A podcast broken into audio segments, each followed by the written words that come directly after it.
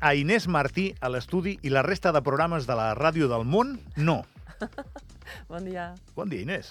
Molt bon dia, Gavi. Oh, jo estic perdant. Gràcies. Ara mateix hi ha molts programes de Ràdio del Món i només estàs aquí. Sí, senyor. Això és el que mola del directe, eh? Molt. Tu t'hi rimes, estàs mirant molt fixament. Eh, tu ja saps que jo tinc aquestes coses, amic meu.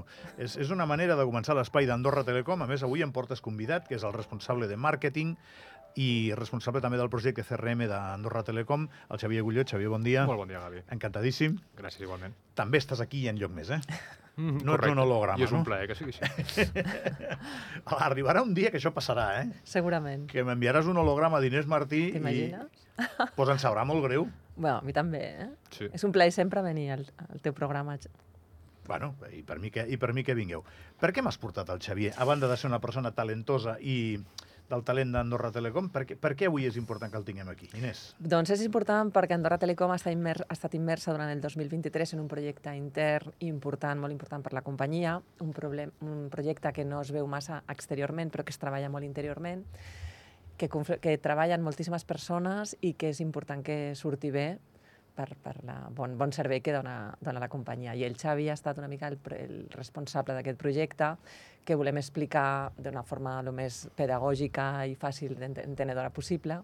I el Xavi comunica molt bé, ho fa molt bé, i està al teu, a la teva disposició per aclarir i explicar-te què és això d'un canvi de CRM. Mm -hmm. Uh, el barco està serpant i t'escoltem, Xavier. A veure. Molt bé, bueno, primer per començar, eh, agrair-te que, que tinguem l'oportunitat d'explicar de, el projecte Genco i després la Inés també ens dirà què vol dir eh, en quant a significat d'aquesta paraula. Es tracta d'un canvi de CRM, comentar que Andorra Telecom fa desenes de projectes cada any i aquest projecte és d'aquells que és parem màquines un segon, Sí. és estratègic, és important i mobilitzarem a moltes persones de la companyia i l'objectiu no és un altre de ser més potents tecnològicament i oferir una, una millor, un millor servei cap als nostres clients, però sobretot també el que no es noti d'entrada. És a dir, l'èxit del projecte és que els nostres clients no es vegin impactats negativament per aquest projecte, perquè un dia ho deia el Jordi Nadal també amb, amb, amb una entrevista, i és vam canviar el cor, o hem canviat el cor de la nostra companyia. Aleshores, el millor que pot passar és que no ho notem i puguem seguir fent vida normal. Mhm. Com ha estat? Per tant, podríem cata- catalogar de que hem tingut èxit. I aleshores, quan estem canviant o parlant d'un CRM, per començar hem de dir què és. Què és? Principalment són eines internes que ens ajuden a gestionar els nostres clients, els seus productes, etc. Per exemple, quan tu mateix entres a l'aplicació d'Andorra Telecom, qualsevol acció que fas, com per exemple contractar amb dades extra, desemboca aquesta acció cap al CRM. Què vol, dir, què vol dir CRM? És l'eina de gestió de clients. Tota companyia però, però és que té... És un acrònim, no? Sí, Customer Relationship Management. Ah, val. Vale? Però per no utilitzar anglicisme, al final és l'eina de gestió de clients. Perdona, Correcte. Inés, perdona, ho havia de preguntar. Fes, fes, fes. I no és una eina que només tingui Andorra Telecom, sinó que qualsevol empresa amb un nombre important de clients doncs, necessita aquest tipus d'eines. Anem, a, anem al tema, és a dir, què, què és el que heu hagut de canviar, què és el que esteu retocant, perquè escoltant em dóna la sensació que és com fer obres a casa i que no es noti. És dir, que t'arreglin la casa però que puguis continuar dormint i sense pols i... I en gran part és això. Eh? Uh, es tracta justament d'això, però també es tracta de transformar els nostres canals digitals perquè es pugui dirigir doncs, al nostre públic o als nostres clients a, amb aquests. Per ficar-te un exemple, 4.500 persones al dia entren als canals digitals d'Andorra Telecom. És una dada que quan uh, la vaig veure, la vaig buscar, em va sorprendre en quant a des dels canals més importants que tenim. De fet, avui en dia tenim aquest canal com a canal preferit pels nostres clients i tot i així doncs, no deixen de banda altres canals. Eh? En tot cas, doncs, quan estem fent aquestes obres de casa, el que busquem és justament no molestar els veïns, no molestar a, a, a, diguéssim, a la comunitat que tinguis al voltant, en aquest cas els nostres clients i per tant la societat andorrana, i a la vegada preparar-te per tenir un millor pis, més potencial, poder fer millors sopars, per dir-ho així, uh, i a la vegada estar més còmode I és possible. És possible encara que no és fàcil i cal passar per etapes. I ara estem passant aquesta etapa de que ens hem transplantat i ens estem recuperant. I hi ha gent que està dedicant més esforços de l'habitual en fer coses que feia abans. Uh, per què? Doncs perquè hi ha alguna cosa que no funciona perfectament mm -hmm. o perquè hi ha un canvi a l'hora de treballar que sempre ens hi hem d'adaptar. Anem a posar exemples específics, que la gent que ens escolta estarà veient que la música li agrada, però Mhm. no sap si li sona a pop, a funk o a punk. Mm -hmm. què, què és exactament això? Això al final el que representa és, ah, perquè ens en fem una idea, eh? l'empresa al final, ah, com qualsevol empresa, eh? Andorra Telecom en aquest cas, doncs té 200 i escaig treballadors, ah, perquè ens fem una idea, més d'un centenars, de, més d'un centenar de treballadors tenen aquesta eina com la seva principal eina de treball. 8 hores al dia davant de l'ordinador treballant amb aquesta eina. Aleshores, ah, justament quan es planteja aquest projecte, és, no és un projecte, com deia abans, normal i habitual, quins mecanismes hem de buscar i com hem de fer que tinguem a les persones al centre. I quan diem persones al centre em refereixo a que aquest més de centenar o centenari arc de persones que utilitzen aquesta eina diàriament no pateixin o puguin tenir una bona eina al seu, al seu darrere. I per què fem aquest canvi? Amb dos objectius. Un és per millorar, perquè al final tecnològicament tot va evolucionant i no podem fer grans salts cada molts anys, no? i a la vegada doncs, que uh, puguem donar resposta més ràpida a les necessitats que tenen els nostres clients. I aquest salt per quants anys és? Ojalà sigui per molts, perquè és un salt del que no hem de viure. No no ho saps mai. No? Uh, L'últim projecte d'aquest tipus es va fer fa 10 anys. I hem buscat un model de forma que no tinguem un salt tan gran d'aquí 10 anys, per dir-ho d'alguna forma, perquè la tecnologia cada cop avança més i, per tant, aquests tempos es van reduint, no? Però al final el que busquem aquí és actualitzar més constantment aquests sistemes i preparar un model que sigui més sostenible en aquest cas. I amb la intel·ligència artificial traient els colzes, ets capaç de projectar-te a 10 anys? No. No ho soc. És que és difícil, no? És molt difícil. Uh, sabem que serà tecnologia disruptiva que ens facilitarà moltes coses, ens plantejarà debats ètics que ara mateix doncs, tothom pot tenir una opinió en base a una visió que podem tenir tots i que haurem de mirar d'adaptar-nos de la millor forma possible fent que sigui un avantatge i no un inconvenient. No? És a dir, tu m'estàs veient a mi, d'aquí 3 anys, content amb el servei que em dona Andorra Telecom, Així espero. Bueno, sí, m'has de visualitzar així, no? Suposo que també has de visualitzar-me un dia que m'enfadi, mm -hmm. però el més normal és que m'imaginis content Correcte. perquè el que m'esteu donant és bo, però al mateix temps és diferent d'ara.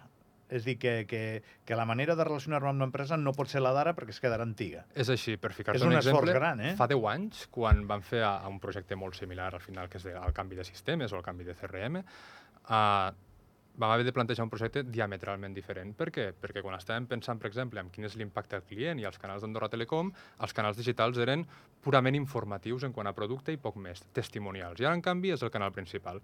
I d'aquí 10 anys, com haurem de plantejar aquest canvi si és que realment l'hem de fer d'aquí 10 anys? Doncs ara mateix no sóc capaç de dir-t'ho, no? però a l'escenari segurament sigui molt diferent al que tenim actualment. Mira, aquesta hora l'hem obert parlant de les ulleres, aquestes noves... Uh -huh. És Apple Vision? Mm. Sí, sí, hem, hem estat parlant d'això, no? Tu creus que estarem amb aquest invent i, i connectant amb tot, però també amb els serveis d'Andorra Telecom? Hauríem de, crec. No? Tu És a dir, creus? al final Andorra Telecom és Però un seran actor... diferents d'aquestes. Segur, però segurament... Més ah, petitetes, m'imagino. És com el primer iPad, no? El primer iPad va venir per revolucionar el mercat i segurament aquest tipus d'ulleres ah, doncs, siguin un model de, o una eina que, que, que sigui disruptiva. És a dir, jo m'he d'imaginar la gent a l'autobús anar picant de mans allà al- a l'aire, no? O sigui, això és... Ja ho veuré, això, Suposo Xavi. que ho heu parlat ja i que heu vist alguns vídeos, per exemple, Sí, amb gent sí, conduint sí. el Tesla mentre està utilitzant això, creuant Sí, la carretera. sí. Ah, ara mateix ens fa gràcia. Ara sí, I sí, en un, per futur, en, un futur igual ho farem nosaltres mateixos, no? I en un futur igual és més propi del que ens pensem. veure, si no ens sé. arriben a dir fa 30 anys que aniríem tots mirant el telèfon com el mirem ara o enviant notes de veu... Black Mirror. Que... Black Mirror, sí. És, bueno, és, És és, així. la sèrie Black Mirror, sí, és veritat. així. És que hi ha capítols de Black Mirror que són molt bèsties, eh? Tal qual. Suposo que el que vol evitar Andorra Telecom és acabar en un capítol de, de Black Mirror. Correcte. Al final el que buscarem també és conscienciar en quant a l'ús de les tecnologies i a la vegada acompanyar la ciutat d'Andorrana també per fer un ús ah, responsable i al final positiu. T'he donat l'esquena molta estona, Inés, no t'enfadis. No, cap Què problema. et sembla el que diu el Xavi? Fantàstic, és, és una persona que coneix el món de la tecnologia, que fa molts anys que està a Andorra Telecom, la casa, i que és molt sensible a tot això. O sigui, el que et digui, fes bastant cas, eh? Pren nota, eh? N'estic fent, però tu sí que n'has de fer, perquè això ho has d'explicar. Sí, sí, Sí. A tu et toca la responsabilitat d'explicar-ho, això que no és poca. Sí, i de fet, des d'Andorra Telecom ja fa anys que estem explicant o intentant fer conscienciació social en el bon ús i bones pràctiques a internet. Com dèiem, eh, internet és una eina es- espectacular que pot aportar moltíssimes coses, però també té una sèrie d'amenaces i hem de, des d'Andorra Telecom, fer aquesta conscienciació. I ja estem fent. I, bueno, i a més a més, doncs, eh, hi ha legislació, hi ha moltes altres eines que poden ajudar en aquest bon ús. No? Però nosaltres és la part de conscienciació. A quin punt esteu del procés, Xavi? Estem en el punt en què hem fet el... Parlem del canvi de CRM. Sí, sí, clar, clar. El trasplantament del cor, l'hem fet, ja estem a, no estem a la UCI, ja n'hem sortit, uh, i ja estem fent la recuperació, anant, no sé on es va quan es fa un trasplantament de cor, però perquè ens fem una idea si, si m'opero del genoll hauré d'anar al fisio. Doncs estem en aquesta fase. Eh, I això respecte a un 100%, que és el 50%? No, estem per sobre del 90% ja. Ah, home, doncs Sí. sí. estem acabant, no? Sí, aproximadament en dos o tres mesos ja hauríem d'estar en una fase molt més de normalització i habitual. Vull dir que quan hi ha un trasplantament i una possibilitat de rebuig, ja no n'hi ha hagut, no? Quedaria descartada ja. Molt bé. Seria sorprenent. Apel·lant a les metàfores, que, negatiu, sí. a les metàfores que tu dius, no? Sí. I, I això pel personal de la casa, Inés, que a vegades et pregunto, és un, o sigui, és un moment important, no? Perquè si Sí. passa cada 10 anys... És un esforç molt gran perquè, a més a més de la feina, doncs, han de pues, adaptar-se una miqueta al projecte, a intervenir, s'han de fer moltes proves, moltíssimes proves, i és un esforç important. Ha sigut un, són moments una mica estressants per, a, per molts companys, però el maco és una mica com s'alinea no? tota la companyia, com tothom entén que aquest projecte és important i treballa tothom amb, amb moltes ganes i, i contents al final del resultat en aquest cas. No? I ara pensant en la Pepita, en el Josep o en qui sigui que t'està escoltant, en què li canvia la vida això que esteu fent? Doncs no li canvia a curt termini Va, en, radicalment. en què me la milloraràs? Ara mateix en res, de fet no és l'objectiu del projecte. Uh, sí que és cert que en la vessant de producte doncs tenim una ànima, com hem tingut sempre, de, de millorar contínuament i oferir uns millors serveis als, als nostres clients i en tot cas doncs, el que hem establert aquí és un model per poder més fàcilment i àgilment, encara que no tenim una vareta màgica i que cal trobar doncs, un equilibri entre els pressupostos, entre l'esforç de la gent, entre la tecnologia i també el producte, uh, per oferir aquests millors serveis. No? I al final doncs, uh, si li vam anomenar Genco amb aquest projecte, que és un- una decisió que vam prendre internament, és perquè, i la Inés t'ho podrà dir amb més detall, eh, però és una paraula japonesa que al final vol dir algo semblant a un punt de no retorn. Però en quant a positiu. És a dir, obrim un nou camí que no volem donar marxa enrere, sinó seguir caminant. Què vol dir, Genko? Bueno, Genko és una paraula japonesa que, com diu el, el Xavi, es fa referència al canvi, a la transformació. I en una transformació positiva, com deia ell, és no retorn, perquè el que porta implícit és la millora contínua. I una miqueta amb aquesta filosofia es va buscar aquesta paraula internament que ens va agradar molt a tots i que representa molt bé el projecte que s'ha desenvolupat a la, a la companyia. I això també del Reiki, aquest? O de... És una paraula japonesa. Jo ja més enllà no, no t'ho sabria dir, però sí que samurais. representa sí, una mica la filosofia japonesa, no? de lo tradicional i lo nou i la innovació. És una, una cultura que té aquest, aquest, aquests valors i la paraula pues, representava molt bé aquest projecte inter que hem desenvolupat. I això, ara m'ho expliqueu, perquè Andorra Telecom vol compartir aquest canvi de pell també amb la gent, no? Perquè el Xavi m'ho ha explicat d'una manera, crec que molt precisa, i m'ha quedat clar que no, no hauríem ni de notar-ho, no? És dir, aquest procés podia haver fet un recorregut intern i ja està, o Sí. què?